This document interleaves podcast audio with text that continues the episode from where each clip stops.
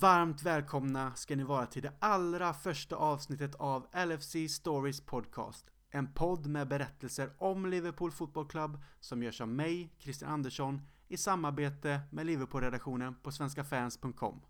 Till pilotavsnittet har jag bjudit in Rasmus Hjortling Olofsson från just Liverpool-redaktionen på Svenska fans och tillsammans med honom kommer jag introducera LFC Stories podcast lite närmare för er lyssnare så ni vet vad ni kan förvänta er framöver. Och vi kommer även prata generellt om dagens Liverpool Football Club. Följ oss på sociala medier, Twitter, at LFC Stories podd, Instagram och Facebook, at LFC Stories podcast. Här är första avsnittet av just LFC Stories podcast. I come here to Liverpool and to Anfield, I've drummed it into our players time and again that they are privileged to play for you.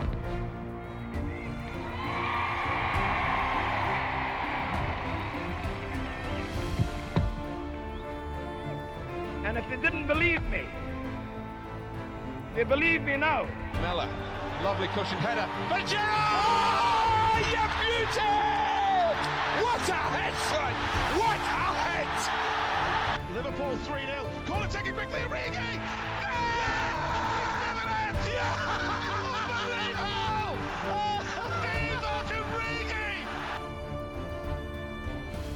Då är vi igång och jag säger direkt hej till dig Rasmus. Hur är läget och hur känns det att vi är igång med LFC Stories podcast?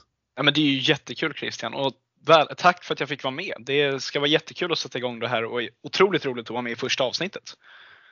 Ja, men jag kan eh, bara hålla med dig och du och jag känner ju inte varandra egentligen utan det här är egentligen första gången vi, vi pratar med varandra även om vi har skrivit till varandra lite tidigare i sammanhang. Så eh, kul att få en röst på en person också och så får vi se hur det här går nu när vi kör vårt första program tillsammans. Ja, nej, men precis. Det, nu får man en röst på texten man har läst i några dagar nu när vi har planerat det här så det, det är alltid behagligt. Men det är bara bra med mig. Hur är det med dig?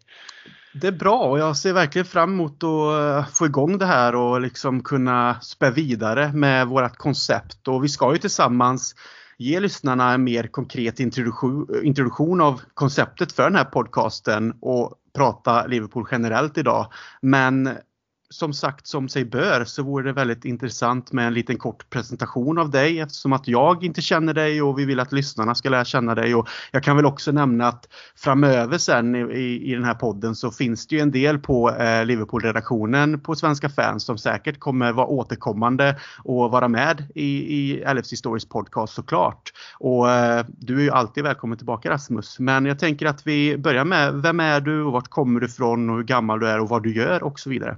Ja, nej, men det låter bra. Jag heter Rasmus Hjortling Olofsson. Eh, jag är 21 år gammal och kommer från Stockholm.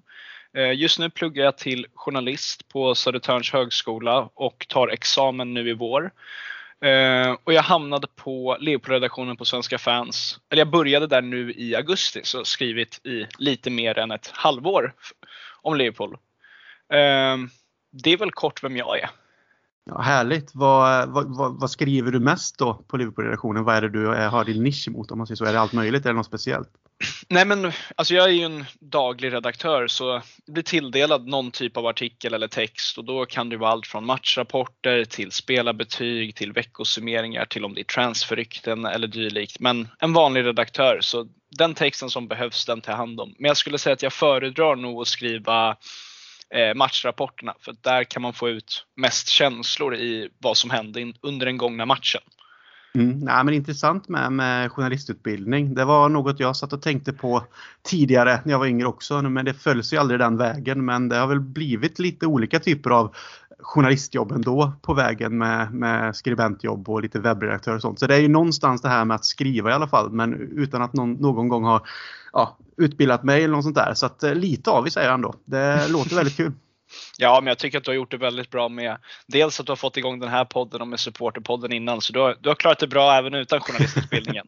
Ja, tack. Vad är, vad är målet för dig längre fram då? Är det en av de här större tidningarna eller har du någon dröm? Nej, men jag har ju alltid föredragit att jobba med, eh, med rösten istället. Jag tycker att jag är bättre på att prata än vad jag är på att skriva. Så podd passar mig perfekt, men jag skulle inte vara emot radio eller TV heller. Sen är det självklart kul att skriva, men jag skulle säga att kommentera fotboll är nog drömmen. Det har det varit sedan jag var liten. Ja, men det, det är ju bara att satsa vidare. Jag hoppas att det går vägen. Jag håller tummarna också. Tack så mycket. Mm. jag passar även på att eh, kort presentera mig själv och kanske finns det lyssnare där ute som känner igen mig både från att jag faktiskt tidigare varit med i LFC-podden som är den officiella svenska supporterpodden för Liverpool i Sverige och även då att jag eh, styr min egen producerade podcast Supporterpodden vid sidan om också. Eh, jag heter Christian Andersson och jag är 35 år. Jag bor i Karlstad sedan i maj förra året och bodde tidigare i Norrköping i ungefär fem år. Jag arbetar inom marknad och kommunikation och jag är sambo av två döttrar. En dotter som är sex år och en dotter som fyller två faktiskt imorgon när vi spelar in det här och det är tisdag den 11 i första. Så hon fyller faktiskt år imorgon vilket är kul. Eh, på fritiden spenderar jag såklart mest tid åt Liverpool men också att läsa, skriva, podda och så umgås med familj och vänner och försöker träna lite när det finns tillfälle också. Eh, jag bodde i England under fyra år mellan 2009 och 2013 och följde då Liverpool hemma som borta konstant intressant egentligen. Väldigt hektiska fyra år. Fantastiska år med många minnen. Även om Liverpool kanske inte var jätte, jättebra på den tiden så tänker jag väl någonstans att man kanske kan bidra till den här podden nu som vi kör med min erfarenhet och mina tankar och eh, ja, det man fått med sig från den tiden. Så att eh, det ska bli väldigt kul. Men jag tänker att vi, vi kör igång och snackar om LFC Stories podcast och konceptet lite och diskuterar det och idén kom till mig efter att jag då hade startat Supportpodden eh, i vilken jag bjuder in gäster som är supportrar till olika engelska lag och pratar om just deras klubb och supporterskapet och fotbollskulturen i England och så vidare. Eh, så jag började faktiskt fundera på att det vore grymt kul med en podd som är nischad mot Liverpool-supportrar men som berättar historier om klubben, staden, folket, allt möjligt egentligen som inte då är det här direkta eh, liksom efter en match eller före en match utan att det faktiskt kan bredda sig väldigt mycket. Och här är vi nu såklart. Och hur tycker du det känns eh, Rasmus, liksom upplägget och tankarna kring det? Du är lite yngre än mig med så vi är lite olika generationer Liverpool-supportrar även om det inte är jättestor skillnad på det sättet. Så tänker jag liksom att vi kanske ändå kommer från två olika vägar in i det. Nej, men det, jag tycker att det låter helt fantastiskt och det är ju ja, men lite som du säger att det är två olika ja, men, tidsepoker man har fått uppleva. Eller du har ju upplevt samtliga men du har nog mer koll på det äldre än vad jag har och den vetskapen vill jag gärna ta del av och det är intressant att lära sig om historien även om man har läst väldigt mycket om det. Men sen tycker jag framförallt aspekten om att informera om staden och det som finns utöver fotbollen är väldigt intressant. För jag har varit i Leopold själv många gånger och det är en helt fantastisk stad som jag tror inte alla upplever för att den är så fotbollsfokuserad och att man, men man åker dit, man går på matchen, man åker hem. Det finns otroligt mycket mer staden har att tillgå med än bara fotbollen, även om fotbollen är det viktigaste. Så jag tycker att det ska bli jättekul att ha ett koncept där man kan få in båda delarna. Mm. Och det, det är väl lite av en, man kan kalla det lite en dröm för mig också för jag, jag är ju en, en obotlig anglofil i grund och botten och har väl varit sedan jag var, var liten nästan eh, vad jag kan minnas i alla fall. Alltid dragits eh, åt England och det, den engelska kulturen och bestämde väl någonstans tidigt att jag skulle försöka ja, men in, inte flytta över till England var väl kanske inte första tanken, men att komma över en del till England, vilket, vilket det blev på olika sätt innan det faktiskt blev då fotbollsresor när man hade börjat tjäna sina egna pengar på riktigt och sen då så blev det flytt och relativt lång tid på plats. Men just det här som du nämner med Liverpool som stad och den kulturella biten eh, som faktiskt finns i, i staden. Allt ifrån en gammal historia med arkitektur och musiken och, och ja, att det är norra England och arbetarklassen och kanske också hur Liverpool som stad står sig mot eh, ja, övriga England men även då norra England överlag mot själva södra delen med London. Så det finns mycket att grotta ner sig i, det finns mycket att ta in och sen då att kunna blanda det med historier om klubben såklart. Eh, det finns ju allting från eh, liksom, stora händelser i klubbens historia. Vi kan, kommer säkert prata om eh, spelarprofiler och managerprofiler och allt möjligt egentligen. Vår tanke här är att det ska vara väldigt högt och lågt och brett. Eh, och ibland kan det vara längre avsnitt som, eh, där vi djupdyker lite mer kanske om något ämne och ibland kan det vara lite kortare avsnitt som, som kommer kanske lite mer frekvent. Då. Så att vi har egentligen ingenting satt förutom att vi ska prata väldigt mycket just om Liverpool, staden och allting runt omkring vilket jag känner ska bli riktigt, riktigt kul. Eh, är det något annat du känner att du har förväntningar kring den här podcasten? Nej, men alltså jag tycker att du, du summerar det väldigt bra och jag tycker bara att det är jätteroligt att den är igång och sen är det ju bara att nu får man ju nu får man ju visa allt man kan om Leopold som man har stoltserat med innan för vänner som inte vill lyssna. Och nu får man ett forum där det kommer komma människor som bryr sig lika mycket som en själv och då, då vill man ju dela med sig. Man vill gärna veta vad andra vill höra om och det finns säkert historier varken du eller jag kan som någon annan kommer ta upp och det är ju, nej, tycker att konceptet låter helt formidabelt.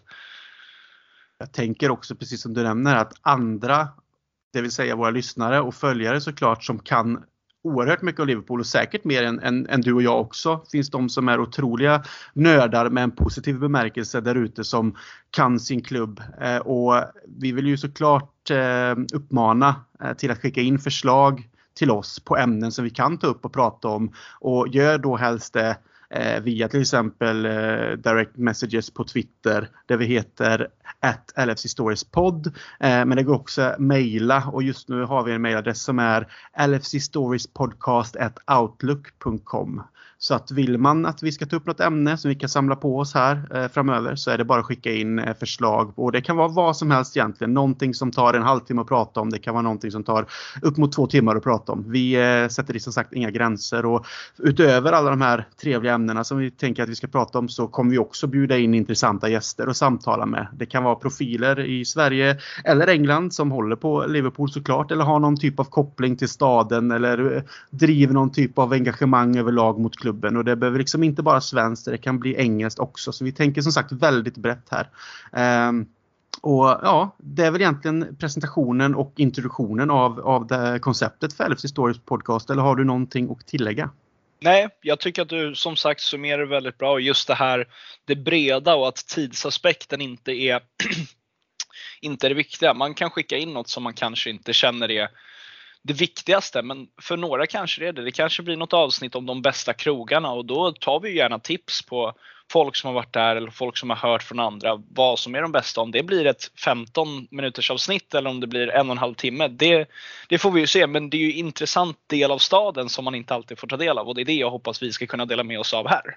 Ja precis och det kan ju vara så att man eh, Många har varit på de här liksom, kända och mer etablerade eh, pubbarna och krogarna och då givetvis både runt Anfield och i stan men det kan ju också finnas någon som hittat ett guldkorn någonstans som inte en, någon har en aning om och det är ju dit man kanske vill gå nästa gång man får tillfälle att åka över. Då. Så att, eh, allt sånt är jätteintressant och är det någon som sitter på härliga historier där ute som har varit med om någonting speciellt när ni har varit på besök i Liverpool eller vid annat tillfälle så länge det är kopplat till, till Liverpool så absolut så är det bara att skicka skicka in och funkar det och eh, liksom känner att allting det inte är några konstigheter så är det givet så att man också kan säkert vara gäst i podden såklart och få berätta sin historia. Det skulle vi tycka var skitroligt. Ehm, jag tänkte fråga dig Rasmus bara så här, vad, bara rakt av, vad, vad är ditt bästa Liverpool-minne?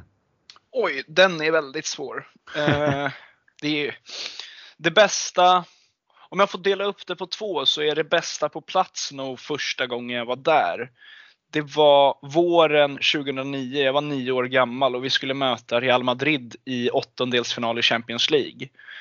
Uh, och jag kommer ihåg att jag och pappa hade suttit och följt första mötet på Bernabéu på text-tv.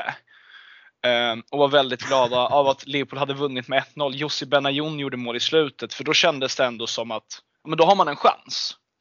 Mm. Uh, och så åker vi dit och Liverpool vinner med 4-0.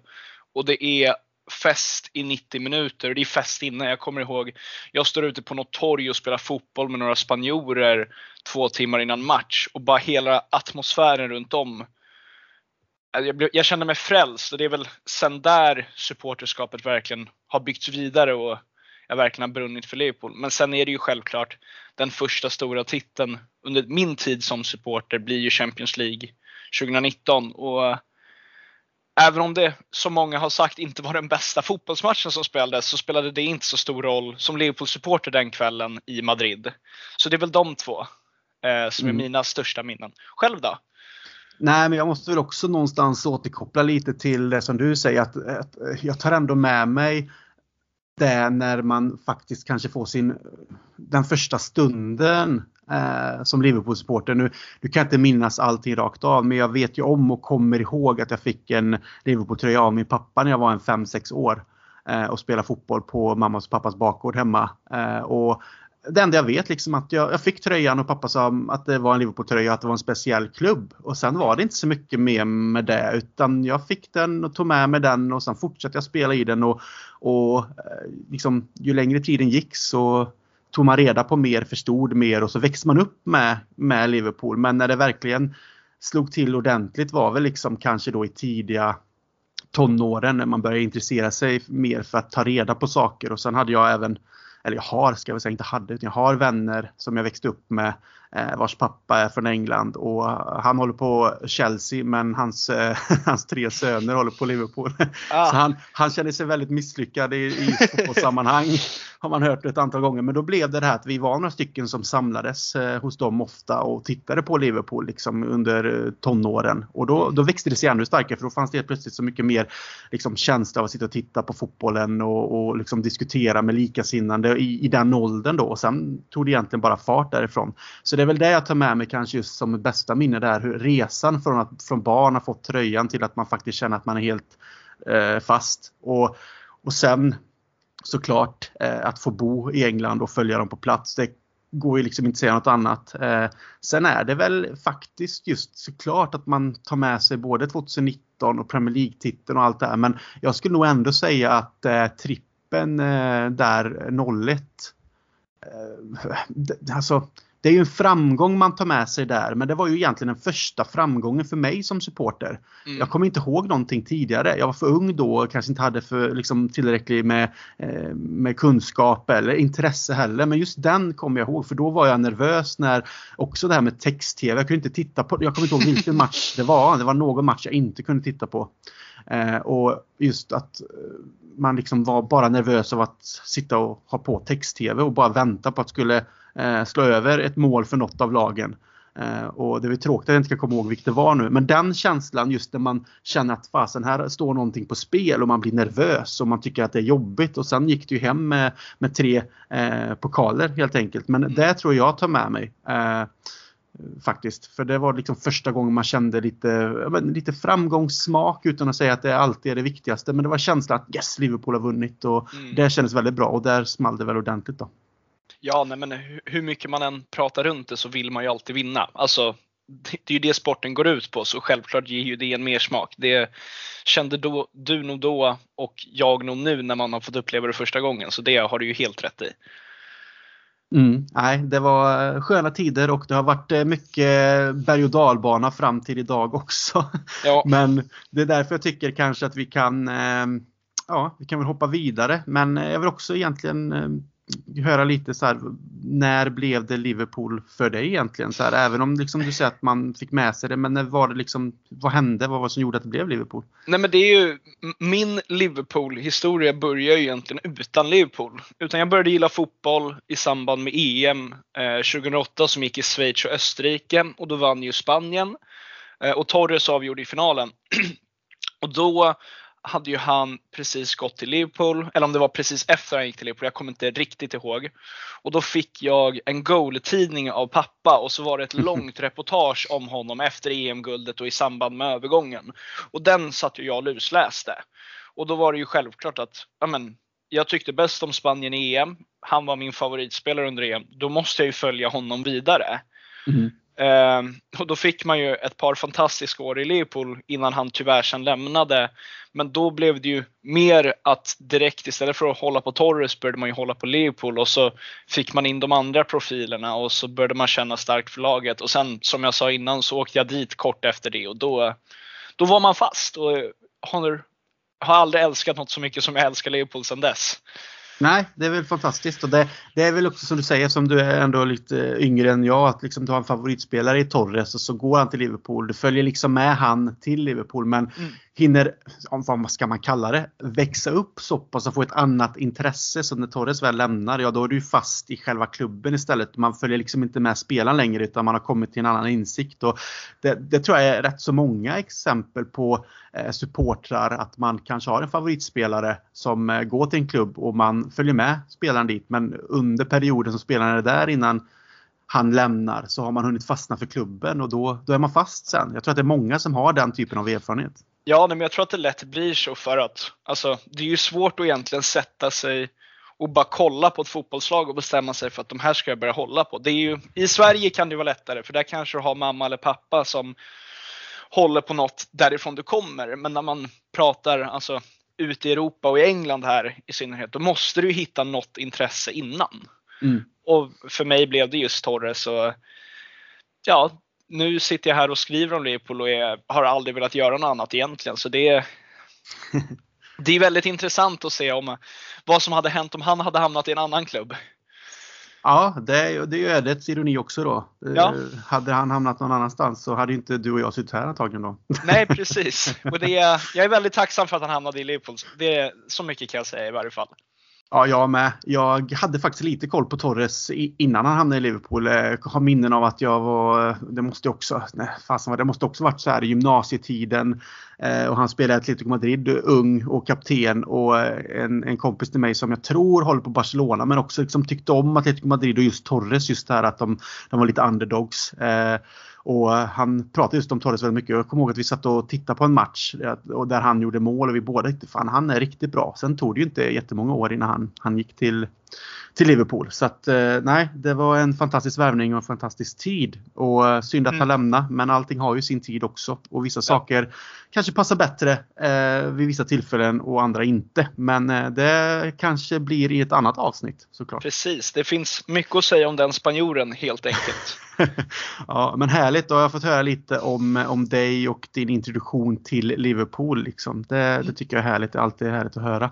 Eh, tycker hoppa, hoppa vidare och nu när vi liksom som sagt har gjort den här introduktionen av eh, podcasten så vill jag gärna att vi snackar Liverpool av idag eh, för att liksom någonstans ändå avhandla den biten. ja, det är ju en eh. rätt stor bit av kakan också, men den behöver ju tas ner. Så är det ju. Ja, precis. Och alltså i mitt tycke finns det kanske inte, det finns väl inte direkt någonting att klaga på men det finns alltid väldigt mycket att diskutera. Eh, både kring åsikter och alltid, och det är väldigt intressant såklart, eh, just på hur Liverpool är idag. Eh, var vi befinner oss idag med klubben och Klopp och ägare och spelare och allt det här. Men hur är din helhetssyn på klubben av idag Rasmus? Hur, hur ser du på ägarna och att vi har Klopp med framtiden, att han inte har jättelångt kvar på sitt kontrakt och truppen i sig, den åldras. Vi har inte gjort jättemycket värvningar de senaste säsongerna och allt det här. Vad, vad är dina känslor och dina tankar? Nej, men om, vi, om vi börjar med Klopp då, så har jag fått någon känsla av att jag tror att han kommer förlänga. Eh, efter, kontraktet går ju ut 2024 nu mm. och det har varit mycket snack om att Gerards kontrakt med Aston Villa går ut samtidigt och att det ska finnas någon tanke där bakom. Men jag, mer och mer efter desto längre den här säsongen går och hur han låter i många ja, efter matchen intervjuer och jag tror att det var framförallt den mot Leicester i ligacupen där han verkligen beskrev kärleken för laget och för staden igen och att hade han vetat att det skulle vara så här hade han kommit hit så mycket tidigare. Mm.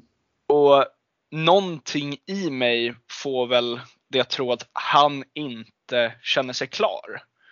Eh, sen har han ju varit tydlig med innan att han kommer vilja ta något år ifrån fotbollen och det är möjligt att han fortfarande gör det 2024 men jag har något hopp och någon tro om att det kommer bli längre. Eh, mm. Så där tycker jag det är svårt att anta. Jag tycker även att det är svårt att anta vem som skulle ta över efter. För ja, vi kan diskutera Steven Gerrard som självfallet har gjort det väldigt bra nu tidigt under sin tränarkarriär. Eh, men det är en skotsk liga som man inte riktigt vet vart man har längre. Eh, och det är för kort tid i Aston Villa för att utvärdera någonting. Eh, sen kommer ju han alltid ha fördelen att han kommer ju ha backningen från fansen om det skulle bli han efter Klopp eller någon annan gång. Mm. Eh, och jag tror ju onekligen att Steven Gerrard kommer träna Liverpool någon dag. Men jag vet inte om det är så tidigt som 2024. Eh, vad tror du om själva tränarbiten? Redan? Jag, nej, alltså, först för att återkoppla till det du sa i början. Jag har också en slags känsla att Klopp kanske eventuellt förlänger med två säsonger till exempel. Att han inte känner sig klar 2024 utan att han likt vi alla människor, eller jag ska inte säga alla, men många av oss säkert väljer att göra saker för att hellre ångra sig för att ha gjort det än att ångra sig för att man inte gjorde det.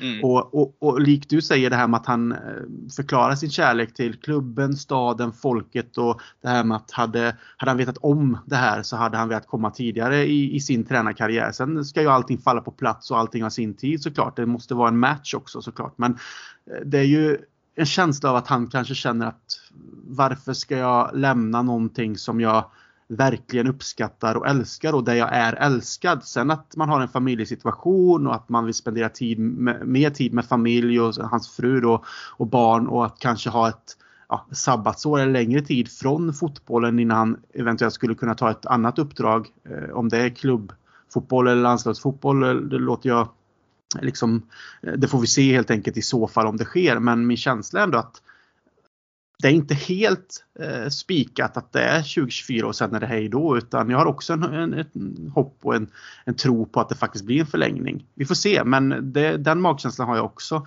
Sen eh, framtiden därefter, eh, likt du nämner Steven Gerrard så är det ju någonstans kanske en dröm ändå att det, det är ju min stora idol som jag växte upp med och kommer alltid vara min stora fotbollsidol. Ehm, det hade varit fantastiskt men samtidigt är jag jävligt rädd och, och att han skulle komma och se honom misslyckas i Liverpool till exempel. Det känns som att han har en aura som gör att han faktiskt har med sig framgångar likt han var som spelare. Känns det som att han har med sig det som manager. Visst, du nämnde skotska ligan. Den är ju väldigt så här, lite hokus pokus på ett sätt. Eh, men han gör det jäkligt bra och eh, bryter ju Celtics trend, eh, väldigt uppskattad i Rangers. Eh, och visst, tiden från nu i Aston Villa fram till att eventuellt då 2024 om Klopp skulle lämna den är väldigt kort. Eh, svårt att utvärdera om han har lyckats ta Aston Villa några steg längre och så vidare. Så att jag, den är väldigt svår men någonstans hoppas jag ju kanske att han ändå är rätt person där och då oavsett om det blir då eller några säsonger längre fram. För ska vi ha en manager emellan som helt plötsligt faktiskt säger att Klopp lämnar, vi får in en annan manager som gör det jättebra. Det fortsätter på ett framgångsrikt spår. Liksom. Vi är med i toppen av Premier League, vi slåss i Champions League. Vi, vi, är, vi är som vi är idag. Det, det, går ju liksom inte bara då att ersätta den managern med Steven Yard efter en säsong, två säsonger utan då vill man ju att det bara fortsätter. För man vill ju inte bryta någonting som går bra om inte personen i, eh, i fråga själv vill det. Nej, nej men verkligen inte. Och jag, nej men som du är inne på, självklart. Jag tycker ju ändå att bedriften i skotska ligan och framförallt att de går obesegrade ska ju, ska ju tas upp. För det är ju imponerande när Rangers vinner ligan. Men det är ju som du också säger kort om tid.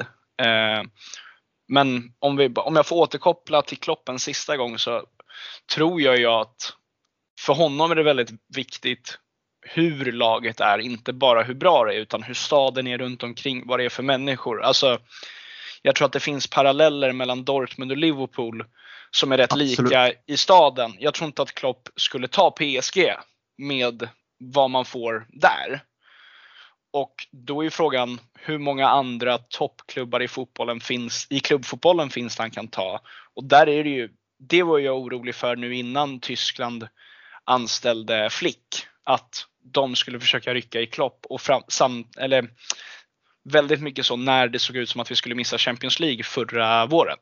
Ja. Så det tror väl jag är nästa steg för honom egentligen. Och där är det här, de anställer honom i år. Alltså Flick i Tyskland och de, han kommer ju inte gå för om minst två mästerskap. Så då är det ju ändå en tid Klopp ska göra någonting. Precis. Nej, jag, jag tänker också just på det här med som du nämner att Klopp som person, han känns ju som en ex, extremt modern Bill Shankly.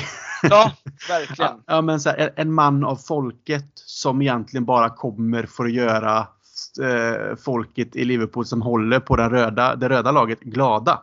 Helt enkelt. Och enligt mig har väldigt sunda värderingar kring väldigt mycket som både har med fotboll att göra men också i, i, världen överlag hur han ser på saker och ting rent mm. eh, liksom humanistiskt. Så att han är ju en person som inte skulle passa in i eh, vilka, alltså i alla typer av klubbar. Det krävs väldigt mycket. Jag tror att det handlar mycket, väldigt mycket moral och det ska vara rätt liksom. Och eh, precis som du säger med att folket och staden och allting runt omkring ska liksom Ja, det ska, det ska klaffa med Klopp och det, det är ju inte alla klubbar, städer eller ja, ägare till vissa klubbar heller om vi ska nämna det som Nej. passar in på det Klopp står för. Så att eh, jag skulle bli väldigt chockerad om han som ett exempel som du nämner, eh, PSG. Eh, vi kan ta Man City också i det här exemplet även om inte det skulle ske. Men om du tänker att det skulle vara väldigt chockerande att se han gå till den typen av, av klubb.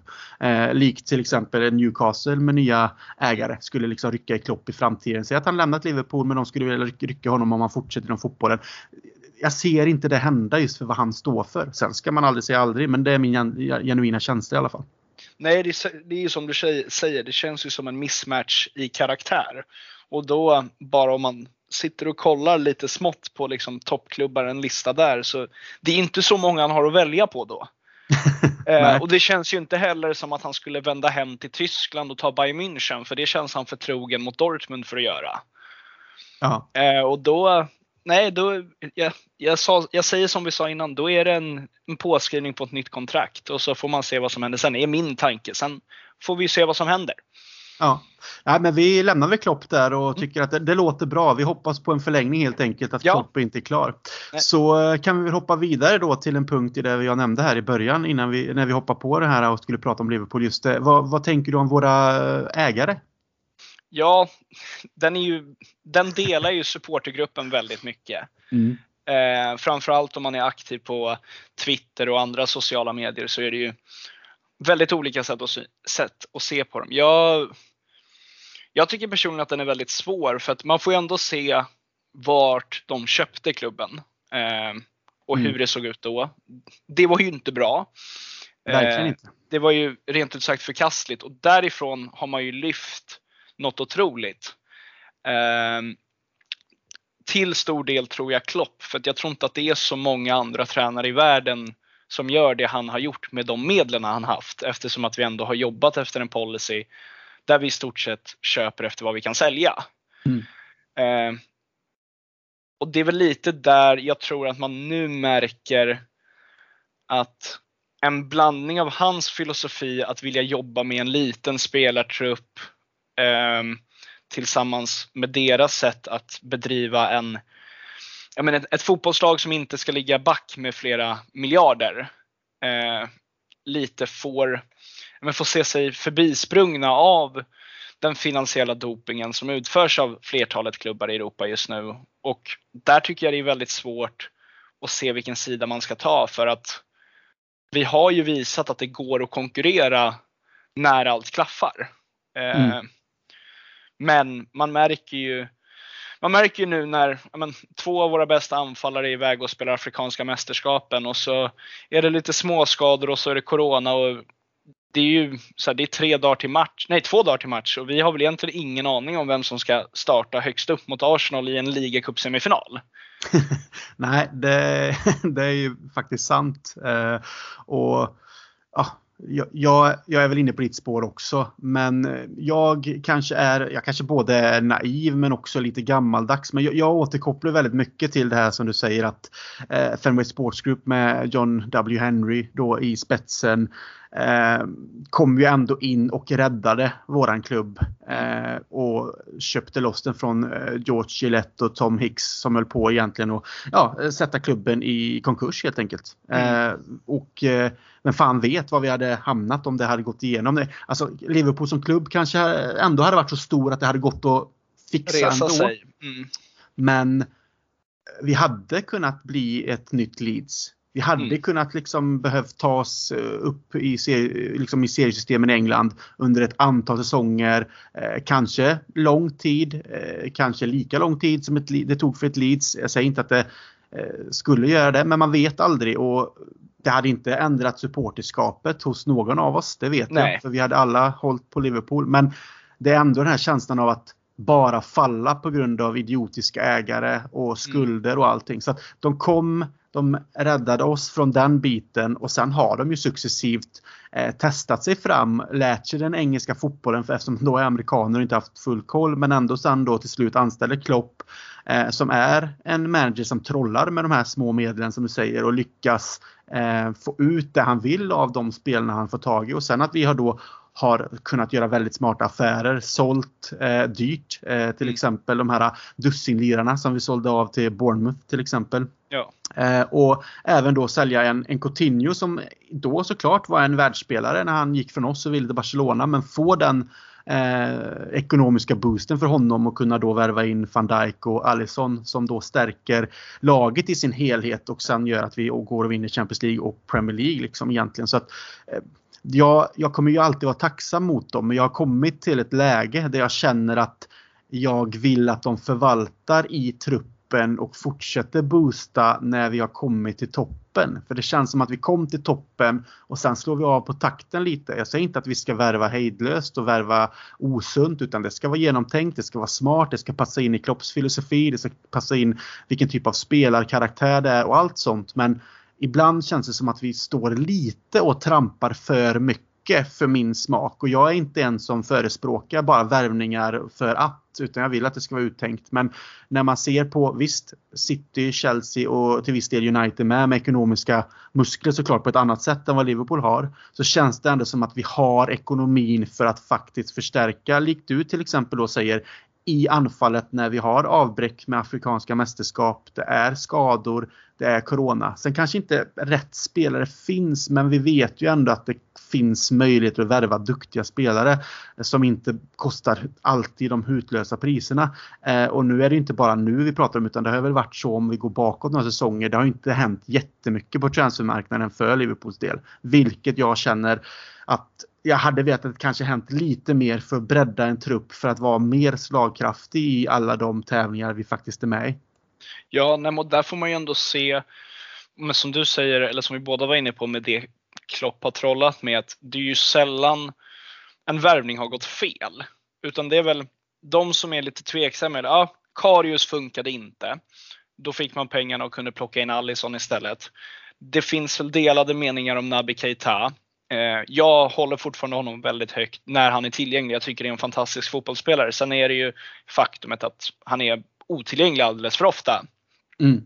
Och sen har vi ju Thiago nu senast som lite samma sak haft eh, en längre skadeperiod på grund av skadan han fick mot Everton tidigt förra säsongen. Och det är också en sån här, ja han är otillgänglig ofta men det är en, det är en tuff tackling han får på sig det är inte så konstigt att det tar tid att komma tillbaka. Det är egentligen de enda tre man har kunnat ifrågasätta lite vart alltså investeringarna hamnat. Alla andra värvningar har ju i någon form lyckats.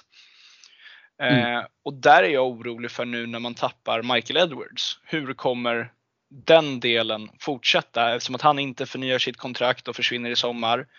Eh, nu har jag inte namnet på vad hans vice hette som kommer ta över och självfallet har ju de jobbat nära men är det samma mirakelförhandlare som vi har haft nu under tiden? Det, det kommer ju framtiden få sia om men där tycker jag att det finns en oro att att börjar det bli, om som under Brendan Rodgers tiden, skulle vi komma tillbaks till det när det ska vara någon transferkommitté och det plockas in lite spelare hej vilt och så det är ju som du säger, det måste ju vara rätt spelare och det har vi lyckats träffa gång på gång på gång och det är därför framgångarna har kommit. För vi har ju inte möjligheterna som ett Manchester City som man kan värva en mittback för 40 miljoner pund och sen funkar inte han, nej, men då plockar man in nästa 40 miljoner pund mittback mm. sommaren efter.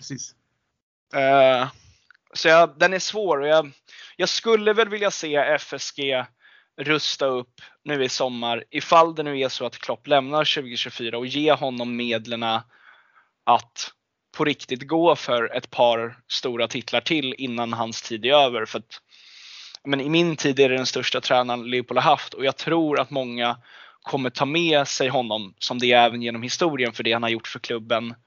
En första ligatiteln på 30 år. Men det skulle vara tråkigt om det bara är två stora eller fyra titlar totalt.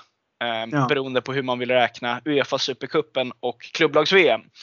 Absolut. Eh, men jag känner ju att, och det är lite samma som nu, jag hoppas att vi försöker nu i semifinalen mop Arsenal här i ligacupen. Jag vet att Klopp under de tidigare åren har inte varit alltför intresserad i de inhemska cuperna. Men jag, jag, skulle vilja att han samlar på sig ett par titlar till för att verkligen cementera som, sig själv som en av de största i klubben. För den platsen tycker jag att han ska ha och förtjänar. Sen går det väl att hävda att ligatiteln räcker till det. Men för hans egen skull. Mm. Nej och, men absolut. Och för den här, alltså som du också var inne på tidigare, att spelartruppen blir ju inte yngre det är ju lite sista två, tre åren på många av de här spelarna och då känns det värt att maximera på det. Mm.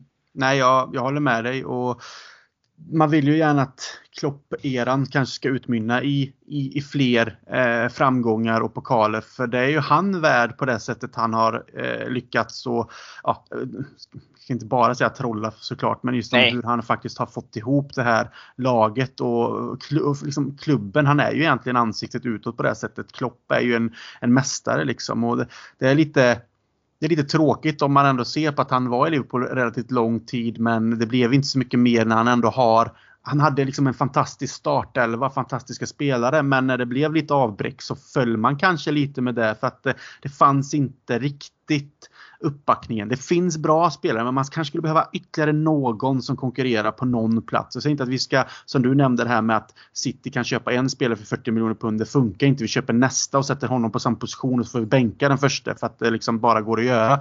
Här handlar det lite mer om att träffa rätt, precis som du är inne på. Men just att man har någon ytterligare. Sen, sen visst, vi ska nämna, vi har eh, fina talanger som kommer underifrån med Harvey Elliott och eh, Gordon till exempel som vi såg här senast. Det, det mm. finns ju liksom spelare som säkert står och knackar på att kunna komma och få ännu mer plats eh, de kommande, både nu och de kommande säsongerna och att det fasas ut andra spelare som börjar bli för gamla, absolut. Men jag tror också att man behöver ibland skapa större konkurrenssituationer, likt vi gjorde med Robertson för eh, när Tsimikas kom in och växlar upp. Ja, då växlade faktiskt Robertson upp också när han hade lite dåligt. Så att det krävs en konkurrenssituation på en del platser och det går inte att ha på alla. Men jag skulle gärna att vi, se att vi kunde liksom bredda truppen med, med kanske en, så här, en, två spelare som håller en hög nivå. Så man känner att när en Mané eller Salah som nu då är borta på Afrikanska mästerskap eller det uppstår en skada eller det är någon som är avstängd. Att man faktiskt har lite mer alternativ att känna att ja, men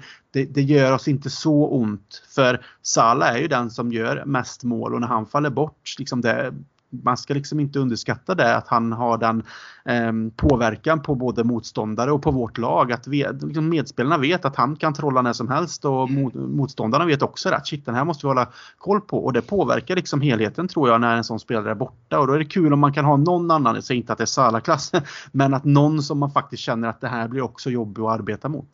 Ja, nej men självklart och det behövs ju någonting och jag, jag tror ju mycket av planeringen till varför man inte plockade in en Wijnaldum-ersättare var för att Klopp har så stort förtroende för Harvey Elliott. För annars tror jag inte att en 18-årig kille hade startat de fyra första Premier League-matcherna, eller hur många nu han hann med att spela. Och, och gjorde det otroligt bra för Exakt, sin alltså, ålder. Liksom. Ja, väldigt mogen i spelet och det såg ju inte ut som en kille som totalt hade spelat 300 minuter seniorfotboll. Nej. Men nu återigen så blir det ju en sån här skräckskada och då står vi här och trummar med 36-åriga James Milner på mittfältet igen och älskar Milner men jag tycker att man börjar märka att hans det är inget fel på årgången 86. Nej, precis. Men det, det, börjar väl märkas att han börjar komma upp i åldern. Eh, det är ju inte samma vikarierande vänsterfot som slog assistrekord i Champions League längre. Nej, jag känner igen mig. Nej, men så någonting måste väl FSG göra. Men jag, det är svårt. Alltså, det är svårt att säga hur, hur det blir för att de kanske är nöjda med att man är med och fightas i toppen och inte riktigt når. Alltså att man håller den här ekonomiska cirkulationen där man har gröna böcker och man är ändå där. Mm. Eh, jag är väl bara rädd egentligen då att man ska bli bortsprungen för att man inte generationsväxlar, generationsväxlar tillräckligt fort i takt med de andra.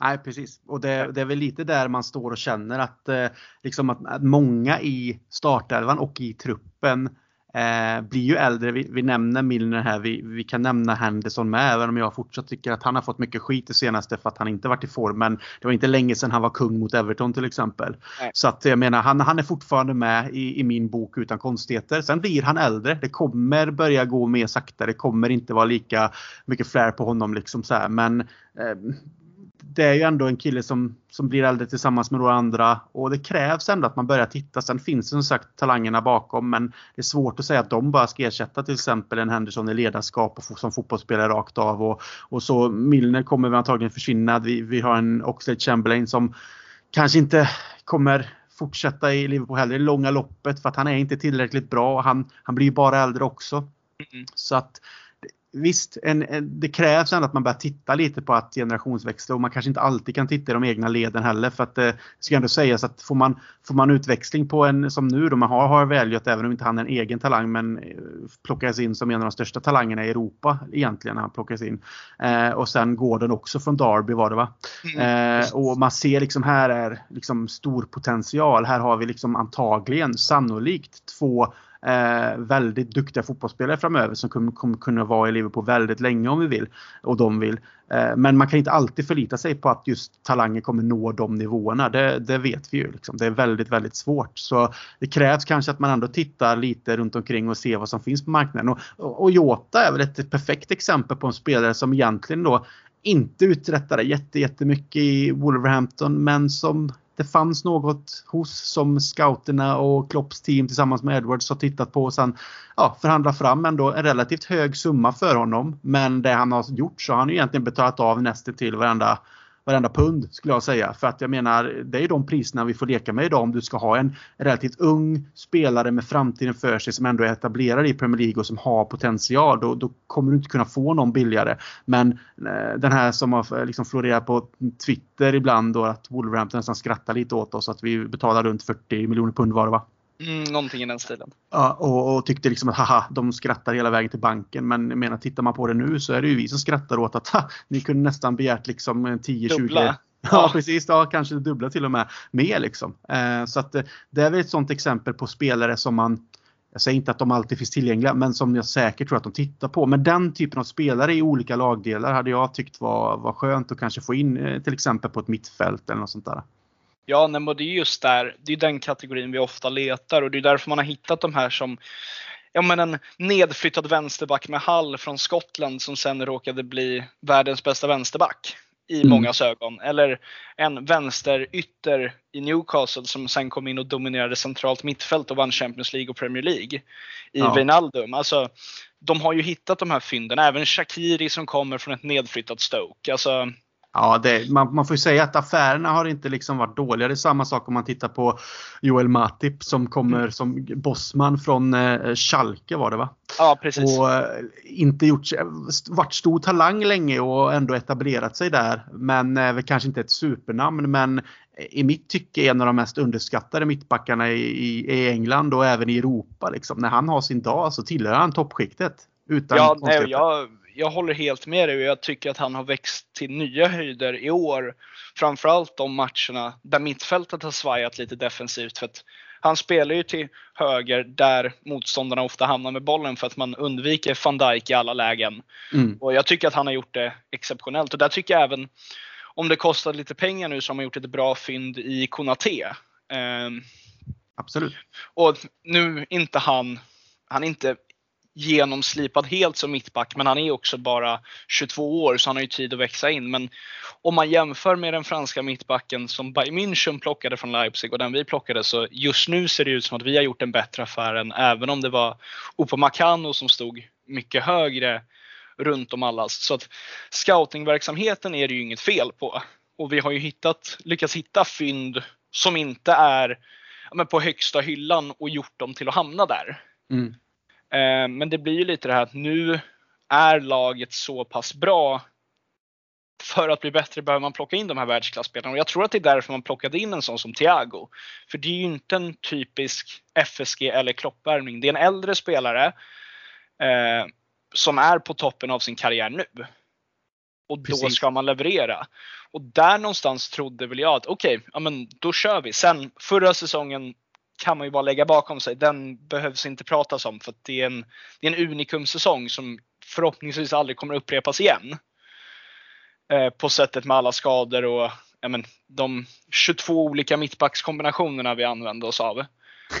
ja. eh, men sen står man still i sommar igen. Mm. Eh, och det blir lite så här, det är alltid den här, ja, Liverpool sparar, Corona har slagit hårt. Jo, men vi ser ändå Arsenal värva ja, men, på pappret rätt mediokra engelska spelare för närmare miljarden som sen har visat sig vara jättebra för dem i Ramsdale och Ben White. Men där finns det pengar och ja, Chelsea och City är svårt att jämföra med, men United kan plocka in en Jadon Sancho och en Rafael Varan trots Corona.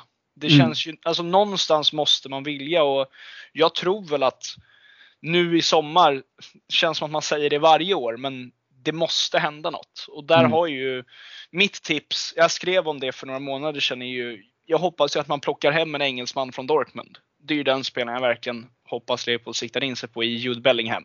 Ja, det hade varit en drömvärmning, det tycker jag också. Sen kan man ju faktiskt prata om, när vi nämner det ekonomiska då, att man förhoppningsvis öppnar dörrarna i, i sommar och då, då är väl säkert Eh, sannolikt så att det till exempel en, en Milner försvinner, hans lönepost öppnas upp. Mm. Eh, Oxlade som vi nämnde här, eventuellt kanske försvinner om man inte ser eh, liksom, som att han är en truppspelare och att han själv är nöjd med det. Han har ju antagligen annars möjligheter att gå till eh, liksom, lite kanske mer ett, ett mittenskikt i Premier League och vara en startspelare och säkert kunna eh, väldigt mycket där. Då försvinner också en lönepost och sen är det kanske annat som säljs också beroende på andra spelare och då, då öppnar det upp både ekonomi för löner eh, och såklart då öppnar det upp att vi behöver ersättare. Så att eh, den kombinationen skulle kunna vara att man tittar på till exempel en sån som Jude Bellingham som är en ung spelare, en fantastisk spelare med framtiden för sig och som ska kunna vara i ett Liverpool länge och att man, det är värt då att lägga pengarna på den typen av spelare och ge honom en kommer ju antagligen bli en hög lön trots sin ålder. Men att veta mm. att man har liksom värvat en spelare som kommer kunna spela för Liverpool 10 år om det så, så, så vill.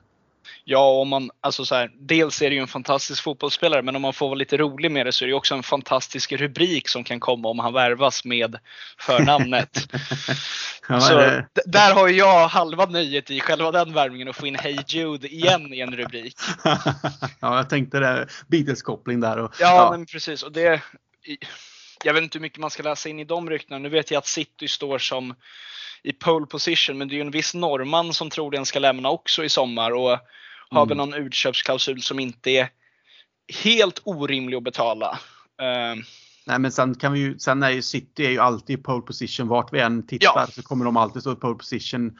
Så att det, de går ju aldrig att ta ur ekvationen. De kommer alltid vara där när det handlar om världens bästa spelare eller de ja. mest talangfulla spelarna. Så vi får bara vi får bara hoppas och liksom tro på att eh, klubben tillsammans med Klopp kan sälja in hela konceptet Liverpool Football Club. För till exempel en Jude Bellingham, varför han ska komma och spela där och inte spela i City. Och i min värld är det glasklart varför. Ja, jo, det är nog väldigt jag tror att alla som lyssnar på det här, eller i alla fall majoriteten, kommer hålla med oss där också. Ja, absolut. Eh, men vi har ju diskuterat nu eh, Klopp, ägarna, eh, truppen överlag, inte alla kanske. Eh, jag kan ju snabbt slänga in frågan till dig. Vilken, vem är din favoritspelare i dagens Liverpool? Oh, också en svår fråga. Alltså det är svårt att inte säga Salah. Alltså mm. för jag, jag tycker att han är världens bästa fotbollsspelare just nu, alla ja. kategorier. Och det om hans bästa individuella säsong var den när han slog målrekordet så känns det ju som att han är upp ett par växlar till från den. Mm.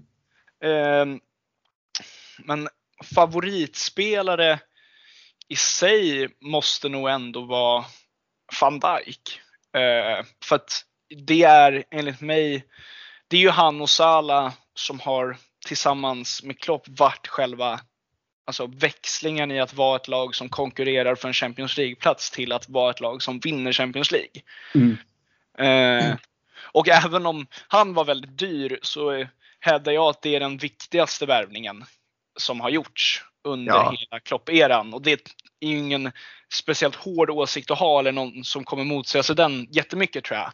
Men Nej, han kommer ju alltså skrivas in i historieböckerna som en sån där liksom fundamental spelare som kommer in och skapar just den där sista pusselbiten för att eh, nå de höjderna. Det ja. håller jag med om absolut. Han, det, det, var det vi sökte. Visst att Alisson kom in och att men van Dijk med alltså sitt sätt att spela mittback eh, och att eh, ha en, liksom en ledaraura, ett, skapa ett lugn, en trygghet. Det, det, var det som krävdes för laget och sen också att kunna frigöra den här offensiven som vi har sett så mycket. Att han, han kunde ju näst intill ligga kvar fan helt själv.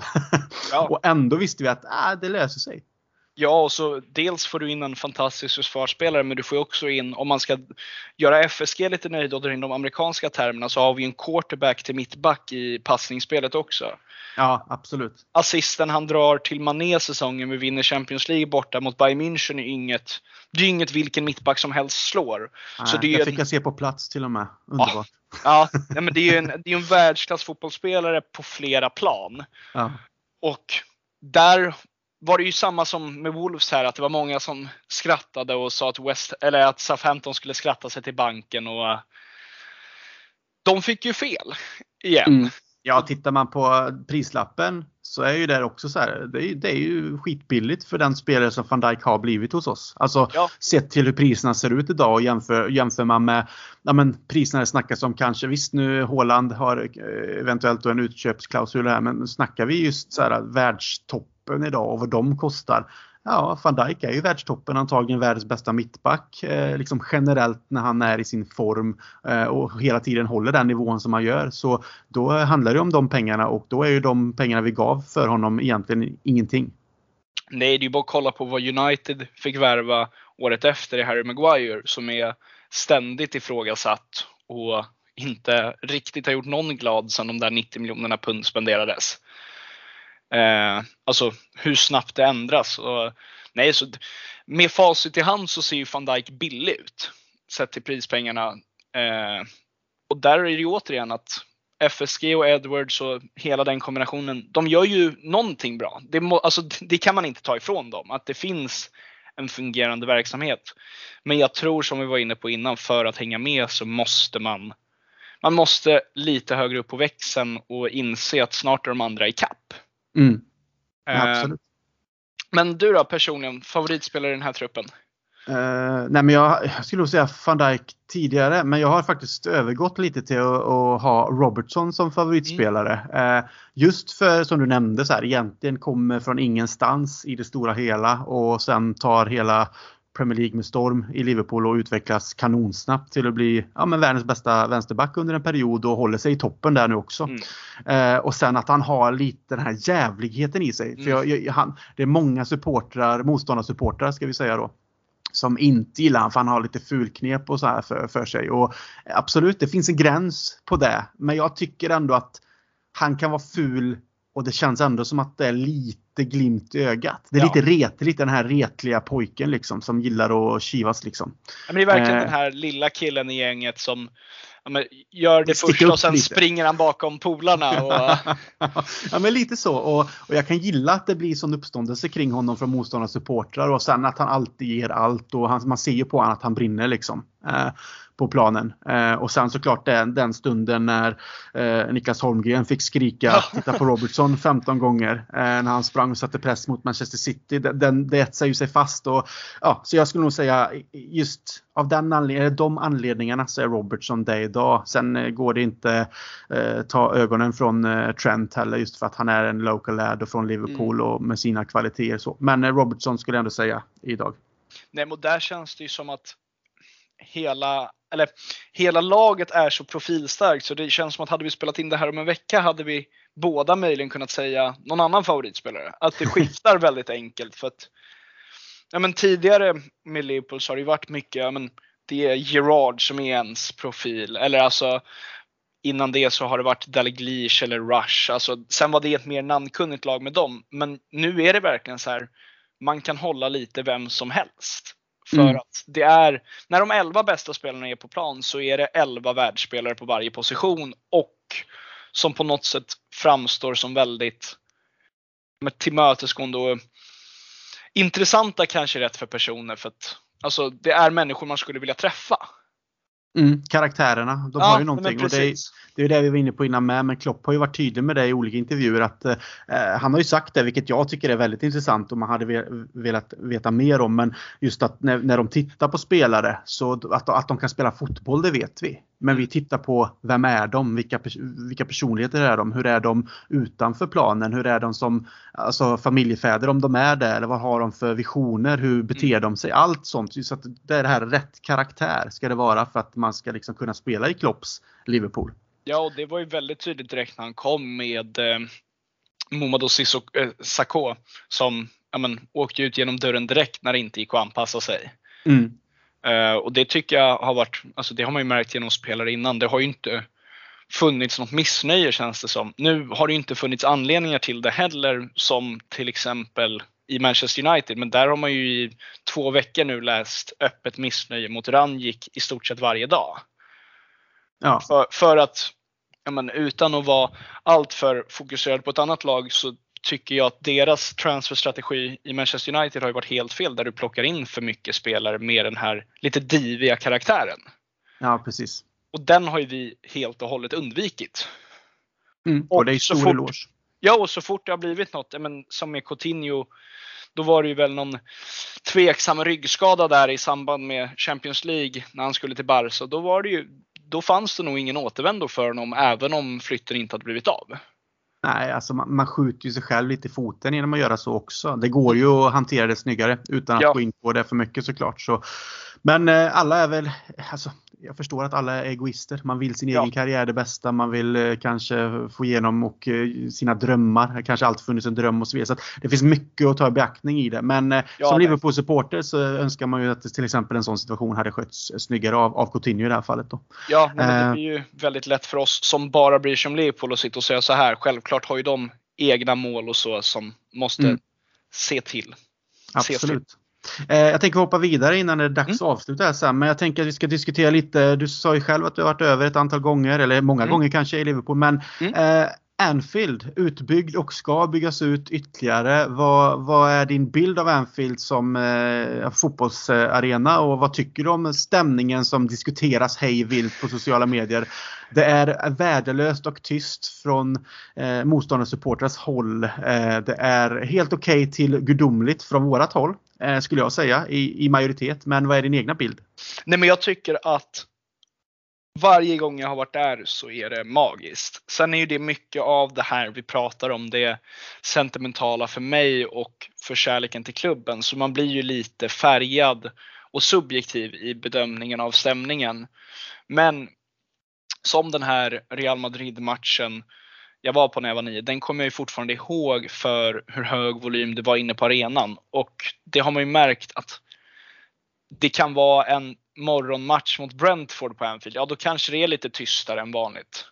Eller morgonmatch, en förmiddagsmatch. Men när det verkligen gäller, när det är de här avgörande Champions League-matcherna som semifinalen mot Barcelona, då finns det ingen annan stadion i världen som slår dem i att bli en tolfte spelare. Eh, och det tycker jag man ser när man har kollat på menar, efter dokumentären om den matchen från Barcelonas omklädningsrum när Jordi Alba sitter och gråter i halvtidsvila för att ingenting funkar. Mm. Och det är ju inte bara för att ja, Liverpool gör kanske den bästa matchen de har gjort utan de här stjärnspelarna vi har pratat om innan. Eller det är den bästa matchen utan dem. Men det är ju inte bara Liverpools fotboll som är bra. Det är ju någonting mer. Det är ju något ja. magiskt med den där arenan. Och det har man ju sett, alltså hade det varit en gång eller två gånger då hade man kunnat säga att det var laget. Men det är så många gånger det skiftar på Anfield att det inte går att ta ifrån arenan längre. Mm. Och fansen. Nej, jag, jag, kan bara hålla med och för att prata just om eh, Barcelona-vändningen så jag var nere och tittade på första matchen i mm. Barcelona. Mm. Eh, hade ju eh, liksom lyxen kan man väl kalla det att både kolla, åka till München och titta den matchen först och sen åka ner till Barcelona. Även om man kanske, man, alltså man har ju alltid en tro på det laget men man säger att det är Barcelona borta, det blir svårt även om liksom, ja, och, och det blev ju som det blev där och man hade väl kanske såhär, shit nu blir det tufft på Anfield men Sen hade jag tyvärr inte möjlighet att åka över dit och titta, vilket man såklart ångrar. Men det funkar inte riktigt. Men eh, man satt ju ändå sen när man bänkade sig framför den matchen så att det blir svårt. Men vi har gjort det här förr, precis som du säger. Det är ju inte bara att det har hänt en gång innan, utan man har ju flera tillfällen tidigare där det har varit så här ah, antingen har publiken lyft hela laget eller så har det varit de här typ ja men Gerard-finalen 06 i FA-cupen. Mm. Alltså någon som har tagit den här liksom ledarrollen och gjort någonting unikt. Och det händer väldigt ofta ändå sett till liksom periodsvis så ser man att det har hänt under, alltså om man tittar man på de senaste 20 åren då från 00 fram till nu typ. Alltså det har alltid funnits någon typ av karaktär i Liverpool som gjort något slags mirakel. Ofta har det varit Gerard såklart. Mm. Men sen har det varit de här vändningarna där publiken på Anfield, de här stora matcherna har någonstans, alltså ja men nästintill, vad ska man kalla det, liksom motarbetad motståndare. Det blir alltså ja. vägg och en, stor, en, en, kokande gryta för dem att jobba i och att det bara blir mentalt jobbigt. Ja, men hur man bär fram laget på mm. ett sätt som ändå är rätt ovanligt i den moderna fotbollen med, som du var inne på innan, eh, all corporate och turismen och det finns fortfarande den här kärleken och hjärtat och kulturen kvar. Mm. Det, det är på något sätt väldigt imponerande. Ja, och det är väl därför jag alltid har liksom varit glad över att Liverpool valde att bygga ut Anfield istället för att mm. bygga nytt. För att det finns en själ och historia kvar som jag i alla fall värnar om. Jag tror att många håller med mig där. Även om man kan titta på ekonomin då vi pratade innan såklart om ägarna och ekonomi in så här att en, en helt ny arena kanske skulle möjliggöra mycket mer alltså, pengaflöde in i klubben på olika sätt. Jag vet inte, jag är inte så insatt i just det där. Men att, att ändå bygga ut Anfield modernisera de delarna som man har gjort med mainstand och, och, annat runt omkring. Men ändå bibehålla vad Liverpool Football Club är och historien som sitter i väggarna. Det är för mig väldigt viktigt och nu ska det ju byggas ut igen här inom relativt kort framtid. Och det blir ju, det kommer ju alltid säljas ut men jag menar till slut kommer man kanske inte kunna bygga ut så mycket mer men då har man ju en arena som är i det skicket och i storleks, alltså ordningen om man ska kalla det så, som tar in så pass många att man kommer kunna skapa ännu bättre stämning förhoppningsvis. Mm. Men också det här att liksom, ja, men efterfrågan på att åka och kolla på Liverpool liksom, eh, jämfört med tidigare. Nej, och där tycker jag att man återigen kan ge cred till FSG för det är en sida som ändå, det tillhör ju fotbollen men det är ju inte exakt vad som händer på plan men att man ändå tagit beslutet att vi bygger ut istället för att bygga nytt. Mm. Och att man istället byggde Även om det kan vara känsligt, men att man väljer att bygga en ny träningsanläggning och lämna Melwood är mer förståeligt. Tror Precis. jag, än vad det hade varit att lämna Anfield. För då tror jag att det hade varit otroliga protester. Likt hur det var när de ville höja biljettpriserna. Mm, absolut. Och den är ju en av mina favorithistorier, den mot Sunderland med biljettpriserna. När de ska gå ut i 77 minuten, vi leder med 2-0 och det blir 2-2. Och det är också en sån grej som visar fansens betydelse. Mm, jag var på den matchen med faktiskt och gick ut. Ja, nej men alltså uh. den, den tycker jag är så bra att plocka upp när man just pratar om vad har supporterna för betydelse för fotbollen? Absolut. Jag, jag minns det så väl för jag var faktiskt över med ett relativt stort gäng. Jag satt ihop en, en resa själv tillsammans på, med folk från ett företag jag jobbade på då som, där alla var Liverpool-supportrar och där min pappa och brorsa och lite nära vänner var med. Mm. Så vi var ett gäng på 10-12 stycken för att dra det lite kort här. Och, och, det var egentligen inte så här, jag hade inte riktigt koll på att, jag visste att det diskuterats det här med att eh, protester och tankar kring eh, biljetthöjningen eller priset av biljetter. Och eh, det var egentligen först när vi var där som det slog mig att shit, det är ju nu de har planerat att eh, gå ut. Och så kände jag så här, många av de som var med på den här resan var på Anfield första gången. Och jag, jag sa verkligen det att känn ingen press eller något måste att ni måste gå ut. Många kommer att göra det så jag. Eh, eftersom att jag ändå varit det så många gånger tidigare och pratade med många av mina vänner i Liverpool den dagen på puben. För jag tog med dem till de här pubbarna som jag brukar gå till. Mm med de här gamla rävarna liksom och många sa, ja, ja, liksom så här, men jag sa till alla som var med att liksom, ni behöver verkligen inte för att ni, jag förstår, ni har betalat era pengar och resan, ni vill ju ha helhetsupplevelsen. Men det roliga är att jag tror att majoriteten av den här gruppen bara, nej nej, vi, vi går ut och det gjorde de också för att de tyckte någonstans det solidariska i att, att faktiskt eh, protestera mot att biljettpriserna höjdes var liksom större, en större mening än deras egna upplevelse där och då. Eh, och jag vet att eh, på puben efteråt så satt några av dem och pratade med några av mina lokala vänner och det var ju typ nästan så här, de lokala, det lokala folket eh, var ju så stolta över dem. Satt och liksom nästan dunkade dem i ryggen. Alltså, det är så här det ska vara. Det var så fantastiskt på något sätt. Och sen då också det roliga med att som du säger, vi ledde med 2-0 och man gick därifrån med den här, ja vi protesterar men gött ändå. Vi leder med 2-0, vi vinner säkert. Och sen när man kommer fram till puben så bara, vad fan, det är 2-2. Mm, jag har fått då, två notiser på mobilen och så bara, ha. Ja, ja, och sen är det som du säger då, det här betydelsen med att ett Anfield liksom töms på uh, supportrar och kanske energin som uh, supportrarna ger till spelarna gör att de, det, ges inte de här extra boostarna vilket gör att man inte lyckas så hålla emot den här gången eh, på det sättet. Och det, så du säger, det, det, det, är ett perfekt exempel egentligen att det händer för det visar ju då också som sagt hur viktiga supporterna faktiskt är. Mm. Nej, och det, det där är väl kanske det viktigaste egentligen att man har behållit Anfield. För att hur, vem som än tränar, vem som än äger, vilka som än är på plan så kommer det finnas något speciellt där för Liverpool hela tiden. Och det mm. tror jag är otroligt viktigt att bevara. Ja, absolut, jag håller med. Och, äh, jag längtar tills man kommer över igen. Det har varit ett tag nu äh, av olika anledningar. Men ja. den där äh, Anfield, eller Liverpool, Anfield och fotbollstermen den eh, vill ha sitt nu. Jag känner detsamma. Känner man väl egentligen. Men eh, vi hoppar vidare till sista här innan det är dags. Men eh, jag tänker lite så här, vad, hur känner du kring, vi pratar just eh, biljettpriser och höjningen. Nu har inte FSG gjort det på grund av vad som hände. De satte väl ett slags tak va? Mm. Eh, och så vidare. Eh, men hur känner du själv som ja, supporter från Sverige, likt eh, säkert majoriteten av våra lyssnare såklart är tillsammans med oss här. Eh, biljettpriser, tillgång, eh, svårare och svårare att få tag i biljetter nu när de har infört det här digitala systemet och, och reglerna kring det. Och det var svårt redan innan men vad, vad är dina tankar kring att det, det nästan är fortsatt så att um, supporterna blir lite både priced out och att det blir faktiskt svårt för den liksom eh, gemene supporten från ett annat land att, att få en biljett till en, ja men till egentligen vilken match som helst. Det behöver inte vara de stora matcherna utan det kan vara vilken match som helst nu. Det, det känns som att det är den vägen det går.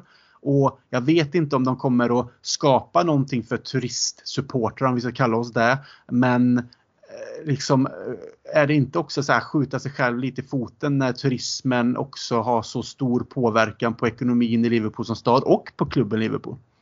Nej men det blir ju, men som du säger, när man egentligen skadar båda grupperna så blir det ju väldigt missvisande. För att det är ju inte billigt för Liverpoolborna själva att gå på fotbollen och det är ju ingen som har hävdat det. Och då när du tar, emot, tar ifrån möjligheten till oss från Sverige som ja, men tidigare har betalat en större peng för samma biljett så blir det ju så här, vem vill man ha på plats egentligen? Mm. Och det blir ju det här att, men som du säger, det är svårare. Personligen så har jag alltid åkt över med min pappa och vi har en kontakt som tidigare har kunnat fixa biljetter till i stort sett varje match med varierande priser. Det har ju alltid legat över, över om det skulle gå att få tag på det via Liverpool själva. Eh, men där är det så här, nu har det inte varit aktuellt så mycket att kolla på åka över med tanke på det som händer runt om i världen. Nej. Eh, vi tänkte åka över och faktiskt se eh, Gerards första match som Aston Villa-tränare. Eh, men det var ju precis i samma sväng som om de ändrade massa restriktioner i England så det blev inget. Nej. Och då vet jag att vi lyckades få tag på biljetter men det har ju gått upp i pris och det är väl för att det är svårare för de här återförsäljarna att kunna få iväg dem för att systemet är annorlunda skulle jag gissa. Jag är inte heller jätteinsatt i hur det funkar. Nej, men det, men det, det, är ju lite mer det här att de pratar om just, just nu, jag som har ett medlemskap och har egentligen alla biljetter till matcherna. Mm. Eh, det är ju, innan har det ju varit ett, ett, ett fysiskt plastkort och ett medlemskort. Mm.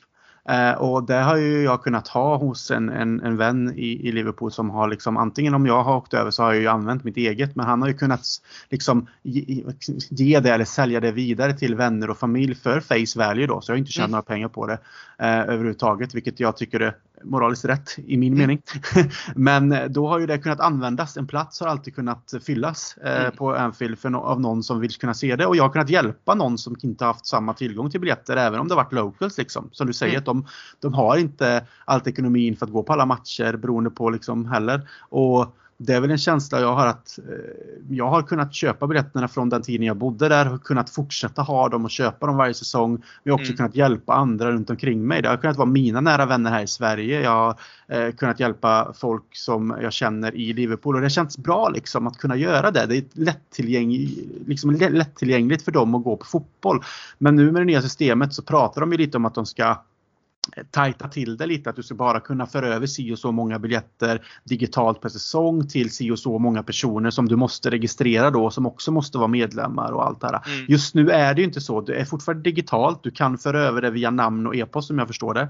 Mm. Men att nästa säsong eventuellt då att de ser över systemet och gör det så. Och det, det kommer ju per automatik som jag förstår det blir svårare då för ja, men den vanliga supporten från Sverige att liksom få tag i en biljett när det är så, först och främst såklart digitalt men när du inte kan föra över hit och dit och hej vilt heller eller bara hjälpa någon med ett vanligt fysiskt plastkort. Och visst, utvecklingen går alltid framåt. Jag förstår att det digitaliseras men man blir också lite trött att det blir svårare och svårare att bara ta del av en sport som man älskar och särskilt då mm. när man har en klubb som man älskar och gärna vill åka över och titta på. Man har den möjligheten att man tappar nästan lite luften och känner fan jag orkar inte. Är det värt jobbet för att göra det? Och det det oroar mig lite både rent personligt att jag känner så men också att det ska liksom vara ett problem för den gemene supporten att man faktiskt ska kunna åka och se sitt fotbollslag. Ja, nej, men helt klart. Och jag, jag satt och läste lite om det där häromdagen. Jag har inte riktigt heller förstått men jag, vad systemet exakt ska utgå ifrån. Men det som du beskriver är samma bild jag har fått att man kan ge, men typ skriva in några på det. Och då känns det ju som att, alltså jag ser inte riktigt vad vinningen för klubben är i att göra på det här systemet. Nej, precis. Eh, för jag självklart så de som tjänar pengar på biljetter, ja de pengarna går inte tillbaks till klubben. Det förstår jag blir en förlust. Mm. Eller det blir ju inte en förlust för personen i fråga har ju fortfarande köpt biljetten till grundpris. Men de pengarna kommer de ju inte få in nu heller för att ja, men ska jag utan ett medlemskap eller utan ett säsongskort eller någon annan så kommer inte vi kunna åka till Anfield och köpa en biljett för att det kommer vara slut. Mm. Så då blir det så här, då står du istället i risken av att platser blir tomma där men, folk från Sverige eller Norge eller även Irland har ju en väldigt stor eh, Liverpool-supporterbas att biljetter de människorna skulle kunna ta men, bara rinner ut i sanden. Ja, och sen så eh, är ju tanken lite här med att alltså, jag förespråkar såklart att det ska vara lättillgängligt och, och, och såklart på det sättet mer för, för de lokala fansen. Mm. Såklart, det, liksom, de bor på plats, det är deras liv. Likt det är våra liv men det är deras liv på ett annat sätt. Ja. Eh, de lever ju och andas med klubben varje dag, dagligen liksom. Eh, ja, nej, men den, är, den delar jag helt med dig. Ja, och, och, min tanke här då är ju lite så här att visst, fine, men det är heller inte de som går och spenderar tusenlappar i klubbshoppen eller bor på hotellen i stan eller fyller, visst, jo, de fyller i sina egna restauranger och pubbar och krogar, men du förstår vad jag menar när det drar in stora härar av norrmän och svenskar och säga vad man vill om det. Om man tycker att det är någonting som inte är så härligt eller om det är härligt, det får alla tycka som de vill. Mm. Eh, men just att Eh, liksom kommer det stora gäng av turist, turister till Liverpool inför en match och tar in hotellen och är ute och köper saker och gynnar ekonomin i staden. Liksom det,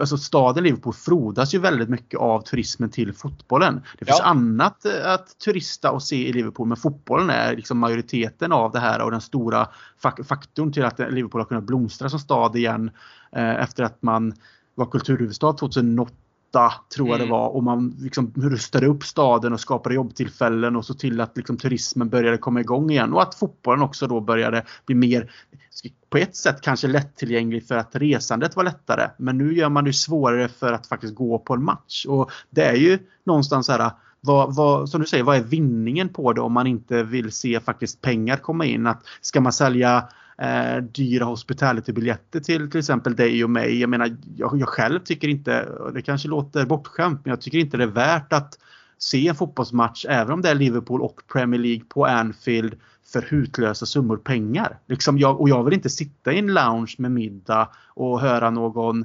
eh, legend prata. Även om det är trevligt. Det är ingenting mm. fel med det men jag personligen vill inte det. Jag vill stå på puben med mina vänner där det är indränkt öl i heltäckningsmattorna och luktar klorin och sjunga och, och bli lite smålullig när jag ska gå in på arenan. Det är liksom min bild av supporterskapskänslan och kulturen. Eh, så det är som du säger, vad, vad vill de komma med det? Ja, men det blir ju också så här. Du utökar ju arenan för att du vill få dit fler supportrar men så tar du bort möjligheten från fler supportrar. Alltså det blir ju motsägelsefullt. Mm. Och det blir ju, men lite som du var inne på, eller som vi var inne på innan, att podden kommer kunna handla om annat i Liverpool. Men jag vågar ju hävda att 99% av alla som lyssnar, om de har varit i Liverpool eller om de ska åka till Liverpool, så åker man dit för fotbollen främst. Och så kommer det alltid vara. Mm, Sen absolut. att staden har mycket mer att erbjuda, det tycker jag verkligen. Men jag vet inte hur många gånger jag skulle åka dit om det inte var för fotbollen. Alltså, och tar man bort möjligheten till fotbollen, då förlorar de ju så mycket som du är inne på. Så nej, jag tror att det där är någonting man kommer behöva tänka över och göra om för att få det till ett fungerande system. Mm, och, och, och, i min värld blir det väldigt jag blir lite så här, visst de har säkert koll på det här men det, fra, det, det, framgår som att de inte har det och då blir det i min värld en känsla av att hur kan man inte i så fall se det här som ett mm. sånt stort alltså fotbollsföretag som det ändå är. Då tänker jag så här liksom, man måste ju ha en, alltså en plan och en, en framtidssyn om hur saker och ting ska vara och, och beräkna alla olika typer av, alltså allting i det och det känns ibland som att har de inte tänkt på det här och det blir ju nästan lite skrämmande när man tänker på att det är en sån stor världslig organisation liksom som Liverpool ändå är på det här sättet att de sträcker sig över hela världen. Ja, och det är väl därför man man får ju egentligen, alltså det finns ju inte så mycket vi kan göra även om vi önskar det utan man får väl vänta och se. Det, det kan ju vara så att det kommer någon lösning för att förenkla ja, för oss eller för andra som reser dit. Men i dagsläget så ser det ju inte ut så det blir ju väldigt oroväckande. Mm. Nej, vi får, eh, vi får följa eh, utvecklingen helt enkelt och se mm. vad som sker och så hoppas att de tänker till och att eh, tillgänglig, alltså tillgängligheten liksom för, för biljetter för turister att komma över och se på Liverpool såklart gör, görs på ett enkelt sätt och att det inte är helt kört. Ja, kört och sen helt alltså, otroliga priser heller som gör att Nej. det liksom ska kosta eh, liksom årsbesparingen för en familj som vill åka över. Liksom. Jag förstår att det kostar med mm. resa och boende och sånt men det ska liksom inte kosta flera tusen att få tag i en biljett. Det, det, det är fotboll även om det är på en hög nivå. Det finns liksom jag tycker inte att det, det, känns rätt att det ska kosta så mycket att gå på en fotboll även om det är Premier League. Att, eh, men eh, jag tycker väl någonstans att vi har ja, avhandlat Liverpool Football Club av idag. Eh, men vi kommer ju sannolikt få tillfälle att prata om saker som sker kring klubben framöver också. För vi kommer ju ändå följa med i den utvecklingen. Men ja. nu kan vi ju någonstans ändå ta ett avstamp mot att backa historiebanden framöver och prata om då bland annat viktiga händelser, legendariska matcher och klubbprofiler och allt annat möjligt. Och bjuda in Eh, profiler till att prata och intervjuer och samtal egentligen då som jag nämnde tidigare, både svenska och engelska gäster för att liksom någonstans alltid ha en koppling till, till Liverpool. Eh, hur låter det Rasmus tycker du? Men jag tycker det låter fantastiskt och jag vet ju att i stort sett alla mina kollegor på Svenska fansredaktionen är ju intresserade av att vara med och många har ju spetsämnen och spetskunskaper som jag tror kommer kunna tillföra fantastiska grejer till den här podden tillsammans med dig. Mm. Och jag har lagt ut lite trådar också till andra profiler som håller på Liverpool som säkert kommer kunna bidra med mycket kul. Och vi ska försöka hålla en bra liksom, variation och blandning av eh, gäster med som du säger eh, intressen och spetskompetenser inom vissa ämnen kanske kopplat till Liverpool. Så att det blir en trevlig variation i varje avsnitt och i varje lyssning för, för de som lyssnar på oss. Mm. Nej men det låter super. Ja, nej men eh, ja, jag tänker egentligen att eh, för att få information eh, om kommande avsnitt och kanske framtida utlottningar och tävlingar också finns det en tanke kring att göra eh, och att man inte missar det som dyker upp. Så följ oss på våra sociala medier och där är det på Twitter at LFC Stories podd och sen är det Instagram och Facebook at LFC Stories podcast. Och med de orden så vill jag tacka dig Rasmus för det här första avsnittet. Det har varit ett jätteintressant avsnitt. Vi fick igenom väldigt mycket och kul att höra en ny röst i de här sammanhangen för min egen del. Ja, nej, men stort tack för att jag fick vara med och otroligt bra start och jag tycker att det här initiativet från dig tillsammans med oss på Svenska fans känns helt rätt och jag är jättetacksam att jag fick vara med och jag är gärna med i framtiden igen för är, man kan aldrig prata för mycket om Liverpool. Nej, och det behöver du inte tveka eh, kring utan det blir enkelt en inbjudan till inom kort, det tror jag absolut. Eh, Perfekt. Till er lyssnare säger jag ta hand om er så länge och så hörs vi snart igen. I come here to Liverpool and to Anfield I've drummed it into our players time and again that they are privileged to play for you.